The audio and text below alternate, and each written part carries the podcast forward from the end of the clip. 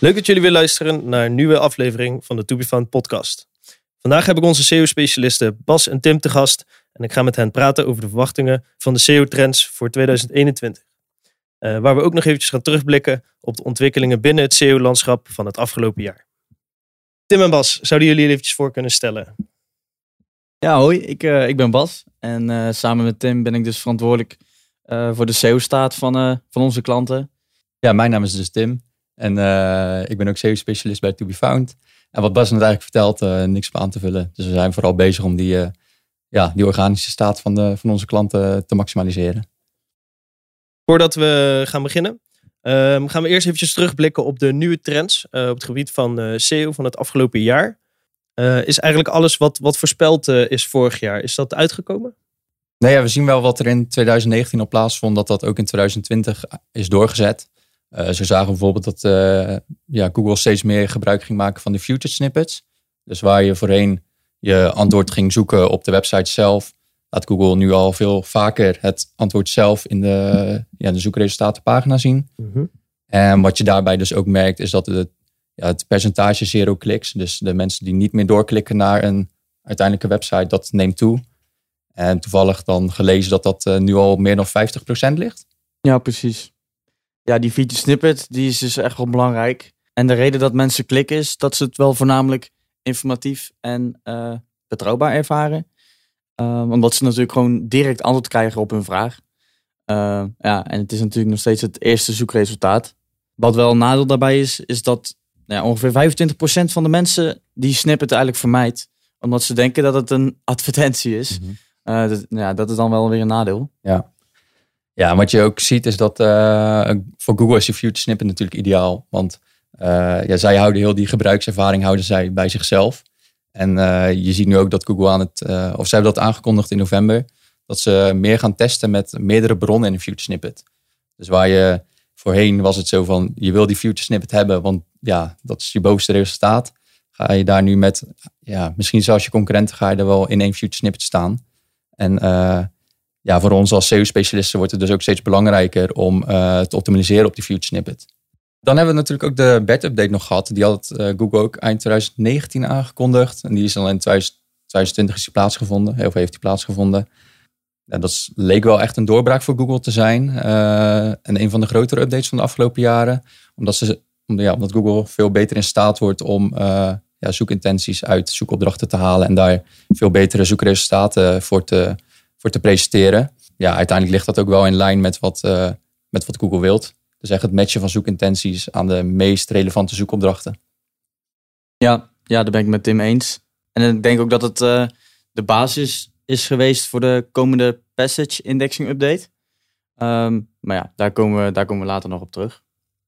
Ja, ja en, en jullie hadden vorig jaar hadden jullie ook nog voorspeld uh, dat structured data steeds belangrijker wordt. Hoe heeft dat uh, uitgepakt, Bas? Ja, er zijn diverse ontwikkelingen rondom structured data inderdaad voor het tonen van reviews is het organization eh, type weggevallen. Um, omdat uh, ja, Google dus doorhad dat veel bedrijven eigenlijk misbruik maakten van die markup. Um, dus dat is aangepast. En we zien eigenlijk dat het gebruik van de FAQ markups, dus de veelgestelde vragen, uh, dat dat wel echt is toegenomen. En dat is ook wel een belangrijke ontwikkeling. hebben we zelf ook nog uh, nou ja, uitvoerig mee getest. Dus dat hebben we wel gezien.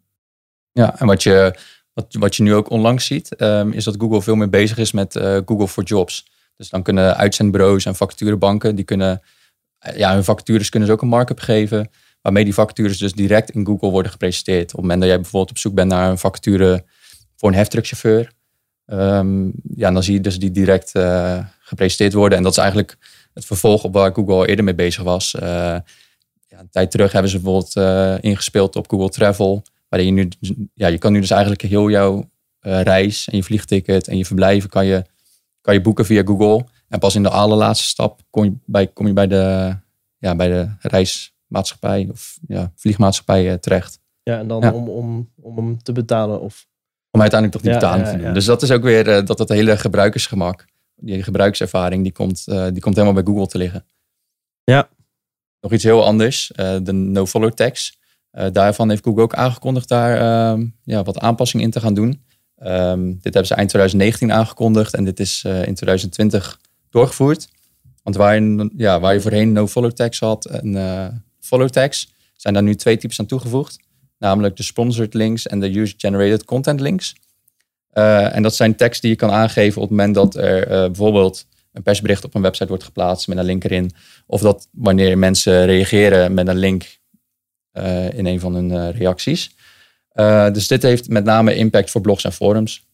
Ja. ja, we hebben ze nog wel weinig in het wild gespot. Maar de normale no-follow tags, die mogen ook nog steeds gebruikt worden. Dus nou ja, dat is wel de reden daarvoor, denk ik. Dus om even kort samen te vatten. Uh, de verwachte dingen, dat zijn dus de, de, de featured snippets en een toename in de zero clicks. Uh, de BERT-update, wat natuurlijk een belangrijke update was voor Google. Uh, de ontwikkelingen rondom structured data. En dan nog uh, de behandeling van de follow tags.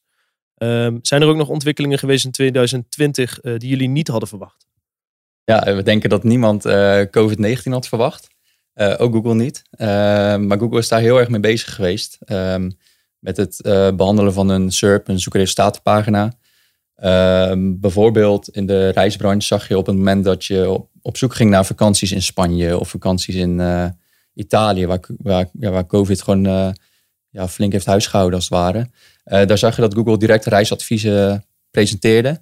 Um, ja, en daar ook liet zien um, ja, wat het reisadvies in dat land is en wat je daar allemaal, ja, waar je rekening mee moet houden. En waar ze ook veel op hebben ingezet, dat is Google My Business verhaal. Dus uh, eigenlijk de profielen die nou ja, restaurants, horeca, gelegenheden in de buurt hebben. Die konden namelijk hun um, COVID-19 gerelateerde berichten konden ze daar plaatsen. En ze konden ook hun gewijzigde openingstijden aanpassen. Je kan natuurlijk voorstellen dat als de horeca dicht gaat, ja, nou ja, dat dat aangepast moet worden. Dus ja, daar zijn ze wel heel erg op ingesprongen. Ja. ja, wellicht dat Google hiervan wel wel wat geleerd heeft ook zelf. Um, door beter in te spelen op de zoekintenties van mensen. Ze hebben bijvoorbeeld getest met het uh, linker minuutje. Bij bijvoorbeeld een uh, zoekopdracht als coronavirus. Um, waarbij je dan zelf kunt aangeven of dat je op zoek bent naar symptomen bijvoorbeeld. Of een andere, uh, nou ja, toch gerelateerde zoekopdracht. Um, want niet iedere opdracht heeft natuurlijk ook dezelfde intentie. En vooral in, in dat soort termen heeft dat wel, wel impact. Um, ja, dat, dat, zijn, dat zijn vooral ja, externe factoren natuurlijk uh, waar we het nu over hebben. Uh, er zijn er ook ontwikkelingen geweest uh, ja, vanuit Google die jullie um, ja, niet zagen aankomen in 2020. Organic shopping is wel een goed voorbeeld, denk ik. Die werd in mei aangekondigd en in oktober ging dat uiteindelijk live. En wat dat eigenlijk nou ja, inhoudt, bedrijven die kunnen hun productassortiment gratis in Google Shopping aanbieden. Um, dus dat is wel een, ja, een, forse ontwikkeling. Ja, vroeger was dat trouwens gratis. Dus uh, vroeger, spreken over 2013, nog niet uh, heel lang geleden. Maar uh, daarna is Google Shopping dus betaald geworden. Daar, heeft, ja, daar verdient Google gewoon ontzettend veel geld aan. en nu is het dus een mix geworden, wat wel ja, toch wel een opvallende ontwikkeling is. Wat, wat zou dan de reden precies zijn voor Google om een organische Google Shopping te introduceren? Ik denk dat Google vooral Google Shopping aantrekkelijker wilt maken. Um, want het verbetert natuurlijk de gebruikservaring van mensen die op zoek zijn naar producten. Um, dus dat is wel de clue daarin, denk ik. Ja, uiteindelijk denk ik ook dat Google um, dit ook doet om de concurrentie met die marketplaces zoals Amazon, wat wereldwijd natuurlijk een heel groot merk is, maar ook bol.com in Nederland, ja, die concurrentie uh, aan te gaan. Uh, je merkt namelijk dat je op, helemaal in Amerika op productgerelateerde zoektermen um, dat mensen daar steeds vaker hun zoektocht beginnen in Amazon en niet eens meer op Google. Um, even een statistiek opgezocht en dat is al in 47% van de gevallen is dat het geval uh, in Amerika. Um, en met Google Organic Shopping zou Google dus die strijd aan kunnen gaan. Dus die mensen juist weer terug naar hun uh, platform kunnen halen. Ja, dus het is vooral voor eigen belang van Google. Uiteindelijk wel. Ja, ja dan heb je natuurlijk ook nog die Google Core updates uh, die jaarlijks worden doorgevoerd. Uh, ja, je weet wel dat ze komen, dus je kan ze voorspellen. Je weet alleen niet wanneer. Uh, ziet een beetje als een uh, PostNL-bezorger die jouw pakketje kon brengen of zo. um, maar Google heeft dit jaar drie algoritme-updates gedaan. de eerste was in januari, de volgende was in mei. En ze hebben er ook eentje op de valreep nog gedaan. 3 december ging deze live. Ja, ja, wat je bij die algoritme-updates eigenlijk ziet, um, waarbij ze dus het algoritme tweaken steeds dat Google eigenlijk altijd adviseert ehm, om je bezoekers gewoon de beste ervaring te geven. En uh, bij zo'n update ontwikkelen de rankings dus zich dus, nou ja, hopelijk positief, uh, maar voor sommige sites ook negatief. Um, doordat ze dus de weging van bepaalde rankingfactoren wat aanscherpen. Het is momenteel niet zo dat ze echt nieuwe rankingfactoren uh, soort van erbij verzinnen, zeg maar. Dat niet. Ja, het heeft wel impact over alle websites heen. Ja, en toevoeging daarop. Ze hebben ook wel wat updates dit jaar doorgevoerd die uh, wat problemen veroorzaakten. Ze hadden bijvoorbeeld indexatieproblemen rondom uh, mobiele websites. Wat natuurlijk een beetje gek is, gezien ze de afgelopen jaren veel mobiele indexatie-updates hebben doorgevoerd. Um, en de canonicals natuurlijk. En ook de indexering van canonical URL's. Ehm, ja, dat ging even fout bij Google. Daar waren wat problemen. Waarbij ze dus de foute URL kozen. Ehm, maar ja, waardoor je dus af en toe duplicate uh, content problemen kreeg. Uh, die bugs lijken ze wel gefixt te hebben. En um, ja, dat is natuurlijk fijn, want het zorgde wel wat, voor wat onrust in, in SEO-land. -hmm. Ja, ik, um, ik, hoorde je, ik hoorde je wat zeggen over de canonicals. Ik denk niet dat iedereen misschien die, die nu luistert weet wat canonicals zijn. Zou je voor de luisteraars kunnen uitleggen wat canonicals precies zijn? Ja, een canonical, dat is eigenlijk een, uh, een stukje technische SEO. Een canonical die is in principe altijd zelfverwijzend. Waardoor je dus aan kunt geven dat een pagina uniek is. En uh, ja, door fout gebruik te maken van canonical URL's schreef je eigenlijk aan uh, dat een pagina niet uniek is. En dat er dus een, een, een, ja, een dubbele variant bestaat. Um, en dan geef je dus eigenlijk aan aan Google dat je zelf niet weet welke pagina ze moeten indexeren. Welke het beste is. Wat natuurlijk niet goed is voor de, uh, voor de gebruikers. En dat laten ze dan uh, terugkomen in de rankings. Die, nou, ja, die zullen gewoon droppen. Um, Oké, dus, uh, dus we hebben de, het coronavirus, diverse Google-updates. die onverwachte invloed hebben gehad op de zoekresultatenpagina van Google. Um, dan denk ik dat het nu tijd is om, om door te gaan naar de trends, de verwachte trends van 2021. Um, en hoe jullie, ja, hoe jullie verwachten dat deze SEO-trends zich gaan ontwikkelen binnen het SEO-landschap. Ja. Uh, ja, we verwachten eigenlijk wel dat Google vooral doorgaat waar het al jaren mee bezig is. en dat is eigenlijk altijd gericht op het verbeteren van die, ja, van die gebruikservaring van iedereen die Google gebruikt. En dat zijn natuurlijk nogal wat, nogal wat mensen. maar alle updates die Google dus doet, die hebben dus ook impact op die gebruikservaring. En ook alle updates die we, die we hebben gezien en die we ook nou ja, komend jaar gaan zien, die zullen daar ja, een bepaalde invloed op gaan uh, uitoefenen. Uh, dus uiteindelijk, puntje bij paaltje, is gewoon dat je dus een hele technisch goede website moet hebben. waar je waardevolle content op presenteert. Um, ja, en dat je ook nog eens een betrouwbaar merk bent. Dan ga je aan het einde van de rit ga je daar gewoon goed op scoren. Maar de eerste trend die we daar dan in terugzien, dat is de Page Experience Update. Um, Google heeft die aangekondigd en die gaat naar verwachting gaat die in mei 2021 live. Uh, dat is een nieuwe rankingfactor. En die gaat vooral inspelen op de, ja, eigenlijk de, ja, de techniek van je website en de gebruikservaring uh, die je bezoekers geeft. Dus waar je dan rekening mee moet houden is dat je, nou ja, je snelheid van je website moet goed zijn. hij moet natuurlijk beveiligd zijn. Hij moet mobiel moet die, uitstekend werkbaar zijn. Ehm, maar zorg ook dat je content gewoon op vaste plekken staat. En stop met het gebruiken van die irritante pop-ups van voordat je weggaat. Neem nog even een whitepaper download. Um, ja, daar moet je dus echt rekening mee houden. En die is in 2020 dus al aangekondigd. En wat, wat Google daarbij ook aangeeft, is dat ze met een soort van visuele ja, indicator gaan werken. zoals de favicon of de AMP, het AMP-logotje. Um, waarmee je dus kan zien op het moment dat jij googelt van deze sites hebben een uitstekende gebruikservaring geboden aan voorgaande bezoekers. Dus daarmee kan je dus ook gaan zien uh, welke, welke websites in principe het fijnste zouden moeten werken.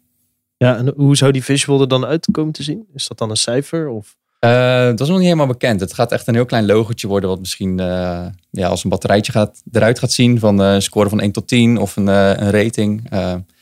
Maar voor mij zijn ze daar nog mee aan het testen. Oké. Okay. Ja, en daar kan je natuurlijk wel uh, wat degelijk wat aan doen om die page experience te gaan beïnvloeden. Um, content pruning. Dat is eh, eigenlijk een mooi woord voor nou ja, het bestrijden van de eh, concurrentie binnen je eigen website. Dus waarbij je dus weer zorgt dat eh, je pagina's allemaal uniek zijn met een eigen doel. Ehm, en je dus ook eh, gaat vermijden dat je slecht presterende pagina's binnen je website hebt staan. En daarbij natuurlijk ook de gebruiksvriendelijkheid van je pagina's. Dat heeft Tim eigenlijk net ook toegelicht. Waarbij je dus gewoon echt antwoord wilt geven op de, ja, de vragen van je bezoekers. En het is daarbij natuurlijk belangrijker dan ooit om te kijken naar de ja, echte prestaties van je website. Die je dus in die, eh, in die visuals ook eh, ja, direct terug gaat, eh, gaat zien. Ja, ja, dat brengt ons eigenlijk ook dan direct bij die tweede trend. Die waarschijnlijk gaat doorzetten. Dat is die vitaliteit van websites. En ja, Google noemt dat zelf de core web vitals. En die hebben ze in 2020 hebben ze die wel eh, uitgerold. En ehm, ja, daarmee kan je eigenlijk de technische staat van je website kan je beoordelen. Je kan hem monitoren en je kan ja, gaan optimaliseren. Ehm, en dan kom je dus weer terug bij die snelheid, eh, de responsiviteit van je website. Maar ook ehm, dat je content dus duidelijk en snel zichtbaar is. En het fijne daarvan is dat Google dus daar rapporten voor heeft opgenomen in Google Search Console. Dus je kan precies zien welke pagina's nog niet voldoende zijn en wat je daar moet optimaliseren. Ja, daarin ook vooral belangrijk om te weten dat Google je website natuurlijk mobiel eh, beoordeelt. Mobile First eh, Index. Dus ja, kijk vooral naar de mobiele staat van je website. eh, is daarin ook wel een eh, goede tip. Ja, dus ik hoor vooral veel, eh, veel technische eh SEO-ontwikkelingen in 2021. Ehm, buiten dat verwachten jullie ook nog andere SEO-ontwikkelingen die wat minder technisch zijn. Ja, op het gebied van, eh, van content is er natuurlijk ook veel te, veel te doen. Daar worden we altijd met onze neus op de feiten gedrukt door Google. Je zal dus echt beter gaan inspelen op de zoekintenties. Dat is daarin wel de clue. Google gaat namelijk ook gewoon meer testen eh, met die verschillende zoekintenties die bezoekers dus kunnen hebben. En nou ja, dat zal zich weer vertalen naar featured snippets. Ehm, maar dan ook echt verschillende varianten snippets. Daar zijn ze nu al mee in, eh, ja, aan het testen. En verschillende soorten zoekresultaten. Dus denk aan naast die feature snippets ook aan video snippets. Eh, puur op, op basis van waarvan Google nu denkt: oké, deze informatie wil deze bezoeker ook nu hebben. En dat betekent dus ook bijvoorbeeld meer local packs. eh, omdat mensen nou eenmaal alles graag dichter bij huis zoeken. En dat is wel een bewegende, ja, een bewegende trend. Ehm, dus analyseer ook gewoon goed de SERP. En leer dan vooral van Google. ehm, want zij hebben immers gewoon de meeste data. Dus zodra Google dan ook echt- echt heeft aangemerkt dat een bepaalde zoekopdracht eh, nou ja, een bepaalde intentie met zich meebrengt. En daar haar zoekresultaat op baseert. eh, pas daar dan vervolgens ook je content op aan. Want dat is gewoon eh, de manier waarop je dan wel zichtbaar kan, eh, kan gaan worden. En je dus meer rankings kunt betalen. Ja, en wat Bas net eerder ook al aangaf, is Google dus bezig met die passage indexing update. Eh, waarvan nog niet helemaal bekend is of deze al is uitgerold, maar of die misschien nog in de laatste dagen van 2020 of juist in het begin 2021 eh, eh, live gaat. Maar daarmee wordt Google dus nog beter in staat om zelfs paragrafen en losse zinnen te indexeren en die dus te begrijpen. En ja, wordt Google dus ook nog beter in staat om de zoekintentie van een gebruiker te koppelen aan ja, de zoekresultaten. Ehm, ja, dat naar verwachting gaat dat iets van 7% van alle zoekresultaten beïnvloeden. En dat is best een flink aantal. Ehm, ja, maar hier kan je dus wel op inspelen. Dus ook wat Bas net zegt. ehm, door te kijken van welke content wordt er nou gepresenteerd op de SERP. En welke content hebben wij niet. Dus waar heb je nou die gap?